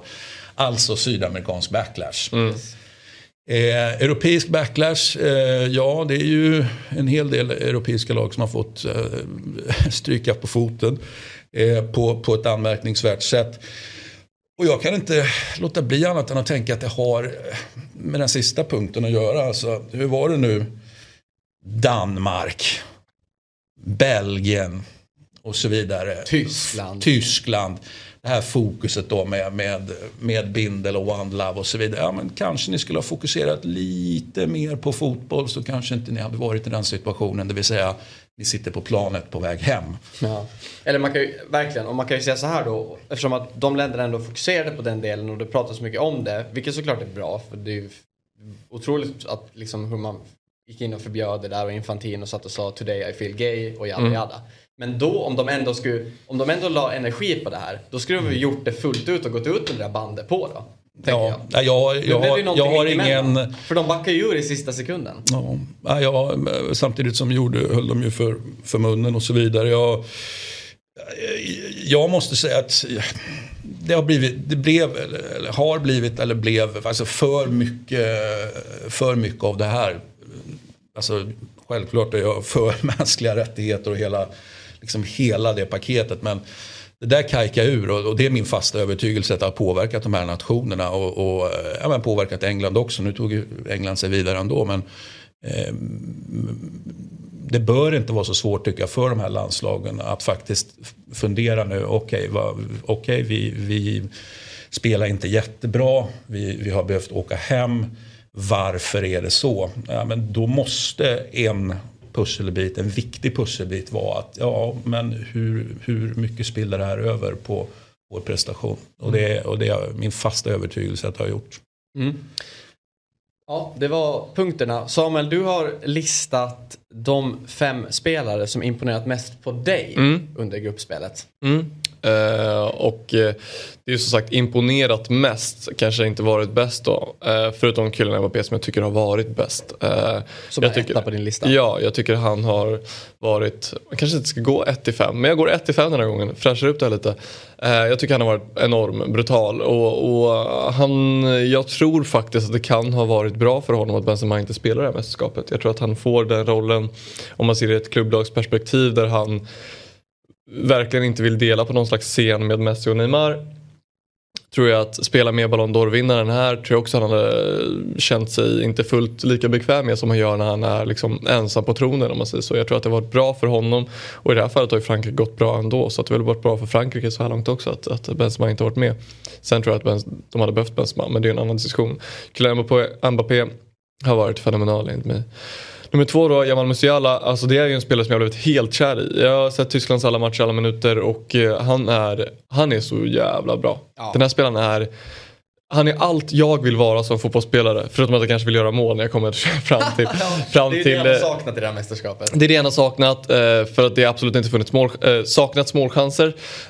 Men han har ju skapat typ alla sina målchanser själv också. Alltså han är oh, alltså här ska ju England må verkligen dåligt över att han inte valde dem. För det här är ju en spelare som är, ja. Ja det ska det... ju sägas, han har väl gjort ungdomslandskamper för ja. Engl England. Ja. Jag vet inte hur hög nivå. Jag vet inte heller hur högt men han, han är ju fostrad i England. Han har ju engelskt medborgarskap eh, och så vidare. Eh, jag kan tycka att det är lite tråkigt att han spelar i Bayern München eftersom jag inte följer Bundesliga varje vecka. Eh, det kanske är upp till mig då. då. Men, han spelar U21. Om du nu är kär menar jag så får du väl börja. Ja, men jag vet inte om jag är så kär då. då. Nej. Nej men jag tycker han kanske inte behöver vara det så länge till för han lär kanske flytta på sig snart. Ja, eh, och då får han gärna komma till de vita marängerna i huvudstaden. Eh, det hade jag gillat. Men eh, han är en spelare som jag tycker är wow, det här är The sky is the limit för den här killen. Jäklar vad jag tycker han är bra. Mohamed Kudos i Ghana. Ghana som har gått väldigt segt men Kudos gick ju in, in inför mästerskapet och sa att han hade lika stor talang som Neymar. Eh, han sa väl inte att han var lika bra men lika stor talang. Ja. Och jag tycker inte att han är Neymar men jag tycker likväl att han har en jäkla talang. Den här spelaren har något som jag tycker också är väldigt imponerande. Jag tycker spelartyperna på min lista är, är liknande. Jag tycker att han löser så extremt mycket svåra situationer åt Ghana. Han är poängfarlig och den här mellanytan mellan försvar, försvarslinjen och mittfältet där är han briljant. Liksom Musiala. Eh, och, och, var väl den enda i Ghana som vågade spela fotboll första matchen på Portugal. Så att, eh, nej, Mohamed Kudus är också väldigt imponerad. Och han är ju verkligen en spelare som han spelar Ajax och så kommer flytta på sig. Om inte i januari så är det väl till sommaren. Mm. Och det var alltså nummer tre på listan. Och fyra, ja. det är ju egentligen, hade vi Bruno Fernandes så han ja. är kanske den enda lite mer äldre eller lite mer mm. seniora spelaren. Ja, alltså, mycket, mycket ynglingar. Portugal vinner sin grupp, han gör 2 plus 2, högst delaktig i allt. Jag avskyr Eller gör han det? Vad sa du? Eller gör han två? Ja, det, det, det, det är ju verkligen, det är diskussionen. Ja. Eh, jag ger gärna det målet till Ronaldo. Jag avskyr Bruno Fernandes som spelare. Eh, men det går inte att säga annat än att han har imponerat det här mästerskapet. Han är, uh, han är avgörande för Portugal. Uh, och gör väldigt mycket så att de går vidare i det här uh, mästerskapet. Uh, får se hur långt de går men jag ogillar honom starkt som fotbollsspelare men han gör poäng och det är väl i det här fallet det som kanske hade gjort så att uh, Tyskland hade gått vidare om Jamal Musiala var lika effektiv som Bruno Fernandes var. Mm. Sen har vi Cody Gakpo, eh, också en spelare man inte följt jättemycket. Eh, har ju fantastiska siffror, det har man vetat om men han har ju nästan ensam gjort så att Nederländerna går vidare. Alltså Nederländerna tycker jag är ju det laget som går vidare så kanske imponerat minst sett till storlek. Australien tycker jag är överlägset sämst. Men Nederländerna har imponerat minst. Eh, alla i Nederländerna nästan förutom Cody Gakpo då, eh, som har burit det här landslaget. Och ska Nederländerna gå vidare i, i i det här VMet så, så måste ju resterande spelare vara på, på hans nivå för att han är väl den enda som har, har faktiskt visat någon form av, av positivitet i sitt spel. Resten måste, måste höja sig. Mm. Vad känner du när du ögar igenom listan Christian? Nej, alltså min reflektion var också det när jag, när jag såg den att det var med, med ett undantag då. Unga spelare. Mm. Så att, eh, men, men, men vad ska jag säga? Det, det är väl alldeles utmärkta val. Han är ju gröngöling och du är nästa. ja, jag, jag, kanske, men jag, jag hade kanske velat slänga in en, en alltså om du har så att säga kärat ner det här då. Jag, jag är ju på väg att kära ner, jag är ju rätt kär i Kroatien rent generellt. Men, men ehm, den här unga backlinjen då kan man vända och vrida på. Men då, då är det ju Guardiol som som visar upp sig. Så att eh, jag, jag, är lite kär i den, i den backlinjen liksom. Och, och den har en jättefin framtid och, och, de är inte där än. Jag säger inte det, men det kommer att bli någonting väldigt, väldigt bra. Där frågan är bara hur det kommer se ut i de andra eh, lagdelarna då. När den här lagdelen äntligen liksom fixar till sig.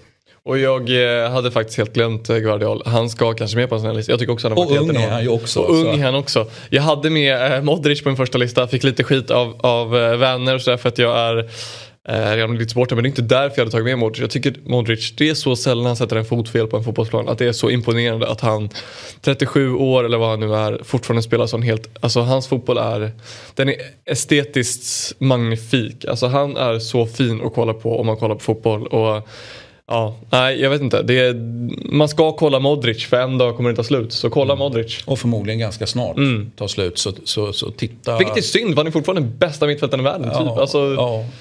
ja, jag vet inte. Men kolla Modric för att en dag kommer det ta slut och då kommer man sakna någon som honom. Mm. Ja bra, ni kan väl, ni som kollar rörligt eh, och så kan man ju lägga en kommentar hur, hur om ni håller med. Eller hur snett ute man är på det här. Ja, eller hur er topp 5 eh, skulle se ut. Nu ska vi ta oss vidare till dagen då och eh, vi gör det eh, men först ett kort kort eh, reklamavbrott. Fotbollsmorgon är sponsrade av Carlsberg Alkoholfri och eh, Carlsberg Alkoholfri har ju en rolig kampanj gällande matchdagsritualer just nu. Eh, Fabbe, hur ser dina ritualer ut när det är en riktigt viktig match?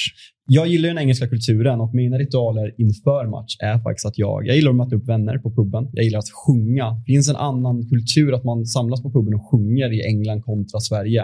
Eh, och jag har faktiskt en förmåga att glida in på matchen efter eh, visslan har gått. Ja. Eh, så jag, jag, jag, vill maximera innan upplevelsen på puben helt enkelt. Ja.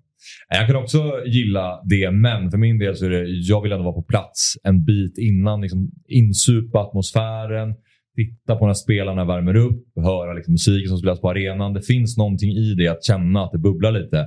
Du gör det på puben, jag kanske gör det en halvtimme innan på arenan och jag gillar inte att stressa heller. Så det är en viktig del för mig eh, när det kommer till liksom min matchdagsritual att vara ute i, i god tid.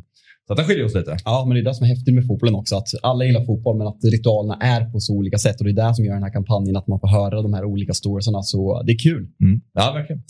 Tack till eh, Carlsberg Alkoholfri som är med och sponsrar Fotbollsmorgon. Då är vi tillbaka och eh, som sagt det ska spelas åttondelsfinaler idag. Jag tänker att vi först egentligen slänger upp vårt slutspelsträd och bara kollar på det. Och det är ju ändå som du var lite inne på det Samuel, du tycker att det är lite halvtråkiga lag som har lyckats ta sig vidare. Alltså, det känns ju verkligen som om man kollar på alla åttondelsfinaler. Det finns ju nästan en klar favorit i, eller i alla fall i majoriteten av matcherna. Mm. Ja, absolut, alltså, så här, de har ju spelat sig tillräckligt bra för att gå vidare. Så att, mm, med det sagt så förtjänar de väl att vara vidare. Jag tycker bara att det också kan bli tråkigt i... Jag tycker slutspelsträd är roliga, så missförstå mig inte här. Men jag tycker att det kan vara tråkigt att det blir en sida som är så extremt mycket sämre än den andra. Och den första intressanta matchen vi kommer se nästan är ju då vad vi beräknar vara en semifinal mellan Brasilien och Argentina. Eh, sen kan jag i och för sig tycka att Brasilien Kroatien är okej. Okay. Argentina Holland som jag tror båda kommer gå vidare är okej. Okay. Men det är inte liksom slutspel. En kvartsfinal i VM för mig ska vara liksom, det ska vara Frankrike-Brasilien 2006. Typ. Alltså så bra ska den vara liksom. Och det tycker jag inte vi får här på, på ena sidan trädet. Men om vi kollar på den högra sidan av trädet då. Om vi säger nu att eh, England slår Senegal och Frankrike slår Polen. Då har vi England Frankrike i en kvartsfinal mm. och, och skulle Spanien slå Marocko och Portugal slår Schweiz så har vi Spanien Portugal och, i en annan kvartsfinal. Och det är exakt de matcherna vi vill ha. Ja. Verkligen. Det är ju kittlande. De matcherna kommer dessutom spelas på samma dag tror jag. Jag undrar om det är nästa lördag Uff. eller någonting sånt. Så fatta en lördag. Ställ in alla planer då. En lördag med England, Frankrike och, och Spanien, Portugal. Mm. Vad säger Nestorn? Eller vill du? Ser du hellre liksom ett Senegal där eller ett Absolut. Marocko? Absolut. Eh, i- ab- ab- absolut. Eh, det- är ju inte bara jag utan... Alltså, jag ser gärna att Senegal slår ut Eng- ser gärna England. Senegal, Ja. va? så är det ju. Eh, Men sen eh, måste man ju säga att med tanke på politik och annat då eh, så är ju faktiskt det är en livsfarlig match för Spanien mot Marocko. Alltså, Mm. Det är nog den mest intressanta Ja, men så är det ju. För nu, nu kommer ju ändå Spanien från en eh, alltså, lite negativ avslutning och så vidare. Och, och, och Luis Enriquez, eh, som kanske inte är hybris, men totala laddningar. Så det blir väldigt spännande att se vart, vart, vart de landar i den matchen. Marocko är ju ett riktigt, riktigt svårt motstånd vad jag kan bedöma. Det är, det är ingen walk in the park direkt. Nej, och då vill man ju också se den Vilket känslostormen som vilket var många tror. Serbien. Ja. Nej, de har ju ett jättefint landslag. Jag tänker då hur, hur politiskt laddat skulle det vara i form av Senegal-Frankrike i en kvartsfinal? Eller är de bättre? Liksom, är det en bättre politisk... Alltså, är de på godare fot? Ja, Jag tänker mer liksom det, det skulle jag väl kanske spontant säga att det är väl kanske lite godare fot där. Jag, Mm. jag, uppfattar det som mer infekterat Marocko-Spanien, absolut. Mm. Eh, Med, med, med, ja, men med enklaver och, och, och flyktingar och, Mm, och mm. gästarbete. Ja, men, eh, det, det blir ju ett kolonialt perspektiv på Ja. bå, båda övningarna Ja. hur som helst. Då. Men, men ett, ett plus då för Marocko eh, Spanien som, som hetare där. Mm. Och det såg vi ju bara eh, hur man firade också. De, de tog ju över. De, jag menar, tog över. Det är väldigt spännande att se om de då skulle nita Spanien. Vad som händer i Spanien och hur mycket bråk det skulle bli. Alltså, Mm. wow. Tror du det skulle bli stökigare än vad det var i Bryssel? Ja, det kanske är svårt då i och för sig. Men, men, ehm, ja, men man ser ju sådana här fantastiska. Jag såg en siffra på, på hur många med eh, marockansk bakgrund som bodde i Bryssel. Det var ju 5 procent av, av hela. Kan man tycka här, ah, men 5 procent är väl inte så mycket? Jo, det, det tycker jag att det är i alla fall. 5 procent är mycket. Va? Så Mm. att, ehm, och, ehm, ja, jag, jag ser jättemycket fram emot den matchen faktiskt, eh, Spanien. Mm. Den, den ger ju också där får vi ju beviset för om, om Spanien är, alltså att Spanien rent fotbollsmässigt är där, det vet vi. Men är de, är de där mentalt ja. redan så unga som de är. Mm. Eh, pallar de den här Marocko-matchen, de här kidsen, för det är ju Mm. kids vi pratar om. Då, då är det ju, eh, ja, det är faktiskt väldigt imponerande eh, av Spanien om de, om de bara liksom fixar det. Och de behöver inte fixa med 3-0, 4-0 utan det är bara det om de fixar med 1-0. Mm. Det har, ju, mm, det har ju siat så mycket hit och dit. Man vill inte vinna den gruppen för då blir man på den sidan och slutspelsträdet. Men nu blir det så och så och så. Men nu har vi ändå sidorna klara. Om ni bara kollar på lagen som ska mötas och vad det kan bli. Vad är er drömfinal, Samuel? Eh, drömfinal här, oh alltså. Jag vill ju verkligen att Brasilien ska vinna det här men samtidigt går det ju inte att eh, eye to eye se Ronaldo mot Messi i en final. Det, det hade ju varit, eh, för mig hade alltså, det hade varit men enormt. Alltså enormt hade det ju varit. Så att, ehm, Ja, det var ett fint, ett fint slut ändå. Oavsett vem som vinner finalen ska ju någon av dem lägga av tänker jag. alltså, vinner du VM då som 36 eller 37-åring så, så lägger du av där. Eh, om du har lite känsla. Men eh, ja, hjärtat säger att jag vill ha Brasilien i en final. Eh, må det vara mot så fall Portugal då, för att Ronaldo ska få en chans. Men det är klart att för eh, objektiviteten så, så Argentina Portugal i final hade varit eh, det absolut mest eh, lockande. Ser du det Christian? Ja, jag fokuserar ju på semin och det är ju det Du är den riktiga vad många, finalen. många tror ändå Argentina mot Brasilien.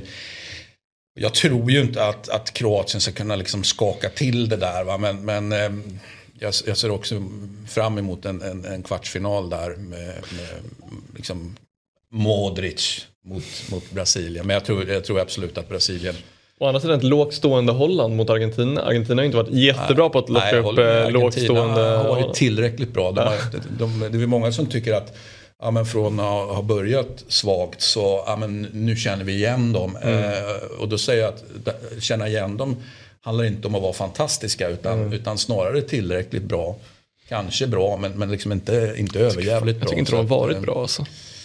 Nej, McAllister bäst liksom. Det säger väl Ja, ganska cool, mycket om det här. Coolast namn Ja, i alla verkligen. fall. Kan säga. Men jag släpper det inte här nu Christian. Du, nu har du bara bollat upp en semifinal du vill se. Ja, jag, jag, jag vill ju egentligen se Argentina och Uruguay i final. Men det, därav blev ju Ja, intet det då kan va. vi ju fetglömma. Nej men jag, jag som sagt var, jag, jag, jag tror att Argentina tar sig till final. Eh, Det gör jag. Och vem som går till final på andra sidan. Eh, ja, det är inte helt lätt. Alltså, jag tycker Port, Portugal har en eh, smygpotential här som jag kanske inte, alltså för att ta sig till final. Vilket jag inte hade trott egentligen att de skulle ha. Men jag tror att eh, det är en svår match för Spanien mot, mot Marocko. Som jag har sagt tidigare. Och jag tror att även om Spanien vinner den så tror jag att man kommer ha spilt väldigt mycket energi. Och om inte annat mentalt. Jag tror man kommer få kriga något så in i den matchen. Ehm, eh, och då tror jag ändå att Portugal får en lugnare åttondelsfinal. Eh, och, och sen eh, så får vi ett Iberiskt derby då i kvartsfinal. Och då hoppas jag ju såklart att något av de lagen vinner semifinal helt enkelt och tar sig till final. Jag tror det blir Frankrike-Argentina i final. Brasilien kommer choka. Jag tror de ryker i kvarten. Nej. Jo, jag Jag tror så- det. nej. Det blir problem det här Neymar och han är skadad. Han är tillbaks nu. Och han ska det in och linda men det Det är kommer bra inte där. funka. Det är bra där, jag håller med. Så jag, Jag är, mer, Det jag, är mer och fingrar, men jag är mer och fingrar på att Argentina ryker i kvarten än vad Brasilien ryker i kvarten. Ja, men Ja, det, spännande. Ja, vi kan ju sitta och se det hur länge som helst. Dagens matcher. Eh, och eh, det är ju två åttondelsfinaler som ska spelas. Det är 16.00 Nederländerna, USA och 20.00 Argentina mot Socceroos, Australien. Och eh, vår tablå gör vi ju i samarbete med Simor där man kan streama matcherna utan avbrott. Eh, hur känner ni? Vilken kittlar mest? Utan tvekan eh, Holland-USA. Alltså, jag kan tycka att Argentina 2000 hade verkligen kittlat på en lördag men de möter ju också eh, det tredje sämsta laget i turneringen. Så att eh, det ska väl bara bli överkörning oavsett. Eller överkörning överkörning, de kommer vinna. Alltså det är ju inte att sticka ut hakan heller men eh, ja. Det, det finns inte, för mig finns det ingen spänning i den matchen. Och de två sämsta lagen då är Qatar och Saudi eller? Ja. Och sen är det väl, eller ja, Qatar kanske och Tunisien då. Sen Australien, sen Saudi. Jag tycker Saudi har mer här än, än vad Australien har, men bevisligen inte. Finns det någonting som talar för att USA och Australien ska kunna skrälla? USA absolut tror jag. Alltså, eh, Holland har inte varit bra alls. Alltså, och USA, det, det, Men det är ju fangal. Alltså det ju, det ska ju inte se bra ut med honom. nej kanske inte. Men eh, de har ju faktiskt en, en väldigt bra offensiv USA. Det är ju deras backlinje som är eh, snudd på, på eh, alldeles för dålig. Kriminell. Ja, nästan. Alltså nästan. Och där liksom, när Serginho Dest ska vara liksom, stöttepelare defensivt i en backlinje, då, då är man illa ute. Eh, Är det en av eh, slutspelets tröttaste spelare? Ja, eller, men- eller, eller är det sänk, eller eh, fel? Alla vet ju vem som är tröttast hittills då. På en sån lista skulle vi såklart ha gjort. Men VMs Lau- Lau- tröttaste spelare. Lautaro måste vara överlägset sämst hittills Ja. i, det här slutspelet. Tillsammans med Valverde eller?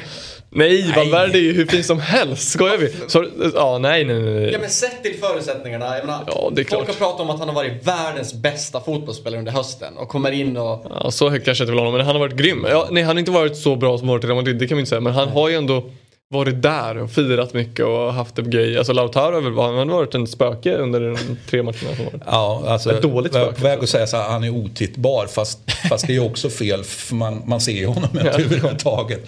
Spöke helt Ja, enkelt. mm. Ja, han det är kanske lite olika parametrar men jag menar bara Ja, absolut. som liksom inte levt upp till förväntan. Nej men så är det ju. Valverde har ju verkligen inte gjort det eh, i det här mästerskapet. Det ska man väl säga. Men Lautaro håller jag med om. Han har ju varit alltså, hädisk att kolla på. Eh, tycker jag ju. Ja, det är bra att vi, vi, vi, vi, letar efter det, det, här, det, är kriminellt och det är hela, hela balletten. Men han, han bockar ju precis alla dem. Så det, är lika bra att vi börjar kalla det för att han är Lautaro-dålig helt Ja. enkelt. Nej, han är, han är, man måste vara provocerad av någon som icke presterar. Och, och vi, du som fotbollsspelare, eh, nu är ju inte du speciellt rädd för att, för att sänka andra fotbollsspelare. Men, men eh, alltså, det är ju provocerande. Och, och, och jag kan tycka synd om honom på ett sätt. Men på ett annat sätt så, så tycker jag att det, provokationen är, är monumental helt enkelt. Det, det är en sån icke-prestation så att det, är nästan, det är nästan imponerande i sig att det går att vara så, så rent ut sagt värdelös. Ja men, men det ska också, då ska man nästan, jag kom på det nu, Eden Hazard som såklart sitter på bänken varje dag i mitt, i mitt Real Madrid. Men där har Han du väl redan också- gett upp hoppet eller? Jag tänkte ändå så här. är det någon gång han ska visa, för han har ju gått, alltså det roliga är att den här killen går och snackar i media väldigt ofta om att nu ska jag visa alla, i VM ska jag visa, jag behöver bara få speltid, jag ska förtjäna det här, jag gör mitt bästa. Men då kommer han likväl såklart överviktig dit, han ser ju ut som han aldrig spelat fotboll förut. Och man undrar hur kan den här spelaren ha varit någon slags topp 5 i världen förut? Alltså hur kan han ha varit Enkla så bra? svaret på det är ju att han var aldrig topp 5 i Men han var så, jag tyckte han var grym i Chelsea. Jag tyckte han var grym. Men när, sen när han kom till Real Madrid, hörni, alltså. Han har 30 minuter bra prestation mot PSG när han drog sin anken för typ tredje gången. Sen har han varit, han har inte gjort en enda bra prestation i, i Real Madrid och, och jag vet inte, alltså folk i Belgiens landslag måste ju garva åt honom. Vad fan har hänt? Mm. Och vad gör han i landslaget då är den stora Och frågan. vad, hur är han kapten? Nej, Nej, det Och är, de det är avsmak. också. Alltså, vi ska väl inte fastna i Belgien, men det har varit så mycket med Belgien och nu är det den gyllene generationen och nu är det över. Men jag menar bara så här, sett till alltså den stora risen där, det måste väl ändå läggas på Roberto Martinez som förbundskapten. Ett, varför han egentligen, varför har han fått uppgiften att ta hand om det där landslaget alla år? Och varför tar han ut alla de här spelarna när man vet att det finns så mycket det finns så mycket interna konflikter dem emellan. Det, alla har ju bråkat med alla och folk hatar varandra och det känns så här. Han har ju bara plockat ut ja, men de som han alltid har Mm. och spelat speciellt när man kollar på Doku i sista matchen mot Kroatien, hur bra inhopp han gör. tänker man varför han inte fått spela mer. Alltså, nej, det är ju såklart ett, ett jättemisstag av det belgiska fotbollsförbundet att ha Martinez där. Men eh, då var vi inne på Henry igen då. Ja. Det blev väl typ inga mål för Belgien. Henry, Nej, en detta, sopa. Detta tränargeni Ja. i, i negativ bemärkelse. ja, verkligen. Fick blickar från Harry som sitter och proddar i Arsenal. Ja, men som sagt, vi måste hålla ifrån här eh, fotbollsspelaren och, och tränaren. Tränaren så ska han ju bara sitta i studion numera. Och han ska ge upp sina försök att börja träna lag. För det, det kommer aldrig bli något. Nej. Vi tar oss till, eh, redaktionen har ju satt ihop en, ett speltips också som vi gör tillsammans med ATG och den, det känns som att det kan vara så att Axel Insulander har varit lite i spetsen här bakom eh, val av, eh, av den och det är en dubbel och den, ni kan ju tänka er då att det, den är Argentina tung och den är Messi tung. Och det är alltså att Lionel Messi gör, är första målgörare i mötet mellan Argentina och Australien. Och så ska Argentina göra totalt över 1,5 mål. Ja, han, han, Axel var så nöjd med för han satte väl den första Messi-dubbeln Mm. Yes. För det var ju Messi första målet och sen skulle Messi göra ett visst antal skott på Över mål. ett eller totalt vad det skott på mål. vad? Så att, eh, ja, han... Eh, Men ett på så sätt kan man ju säga att han safear. Mm. Eh, och det, och det eh, behöver inte vara vägen till framgång. Nej, Men kan vara. kan vara. Kan vara. Jag var ju väldigt nöjd måste jag säga när, när alltså jag hade tänkt att jag inte skulle spela någonting. För jag, jag, jag brukar mest spela på ja, Serie B då för att vara väldigt tydlig. Tycker jag är kul att Fick spela. han in CB ändå. Ja. Eh, men, men sen en bit in i, i slutspelet så här tyckte jag ja, men det här är spännande eftersom jag då ändå trodde på, på Uruguay och Argentina. Så efter Argentina eh, gjorde som man gjorde i första matchen då tänkte jag ah, men, okej nu går jag in och spelar, inga stora summor. Eh, och sen eh, spelade jag Uruguay också trots att de hade så att säga, börjat knackigt. Sen kunde jag inte hålla mig när det såg ut som det gjorde inför tredje omgången. För då var, då var vi uppe i nästan hundra gånger pengarna på Uruguay. Och jag kände att vi, ha, vi, har, vi har fortfarande en väg fram. här. Så jag var tvungen att peta in lite på Uruguay också. Men Alltså att de Gången vinna. VM? Att de skulle vinna, ja. Ja, ja. då, var, då var det uppe i, i, i ehm, eh, ja, 91 var det väl då för att vara Ja. exakt. Va? Så att, ehm, sån är jag. Ja, men jag, jag gillar ändå den här. Det är, en, och det är, alltså det är alltid kul och, om, man, om man jobbar något spel och så ha alltså, att det ska göras mål. Det blir ju roligare. Den här matchen kan behöva något match. extra. Ja, exakt. Och den, det känns ju ändå som...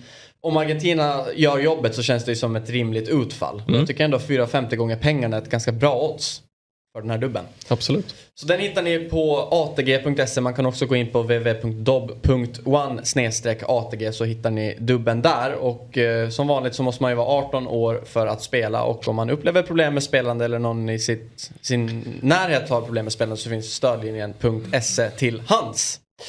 Det var lördagen. Det var det. Ja. Bra, kul tycker jag. Ja, verkligen. Mm. Piggt och fräscht. Ja, mycket att snacka om och eh, Och som vanligt många sågningar. Jag tycker, jag, tycker jag rent generellt, det, jag, vet inte, jag vet inte hur vi har hamnat i...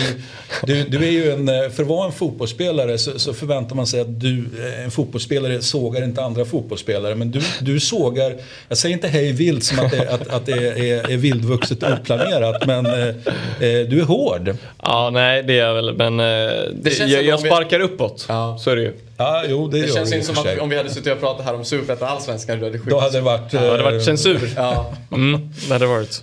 Mm. Som sagt, eh, Fotbollsmorgon är tillbaks igen eh, imorgon bitti 09.00. Då med Christian och Samuel sitter här och då är det Axel eh, som programleder. Och eh, vi kör ju som sagt eh, watchalongs om dagarna också. Så jag tror gänget drar igång ungefär en timme innan första avsparkstid idag. Så 15.00 på den här kanalen också kan, kan ni följa det. det jag tycker det är väldigt kul att eh, ha det på sidan om matcherna. Så eh, om ni, om ni inte rattar in, eller ni ska ju ratta in Fotbollsmorgon imorgon. Så ratta också in watchalongen i eftermiddag. Så ses vi då. Ha en eh, trevlig lördag. Fotbollsmorgon presenteras i samarbete med ATG. Höj mästerskapstempen. Spela på VM hos ATG.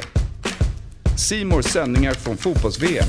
Streama från 249 kronor i månaden. Carlsberg. Alcohol free. What's your game day ritual?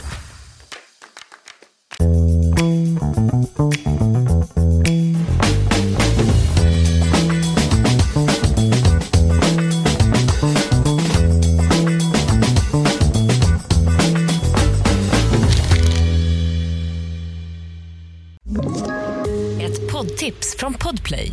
I fallen jag aldrig glömmer djupdyker Hasse Aro i arbetet bakom några av Sveriges mest uppseendeväckande brottsutredningar.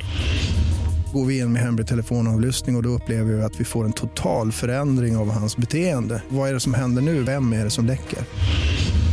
Och så säger han att jag är kriminell, jag har varit kriminell i hela mitt liv men att mörda ett barn, där går min gräns. Nya säsongen av Fallen jag aldrig glömmer på Podplay.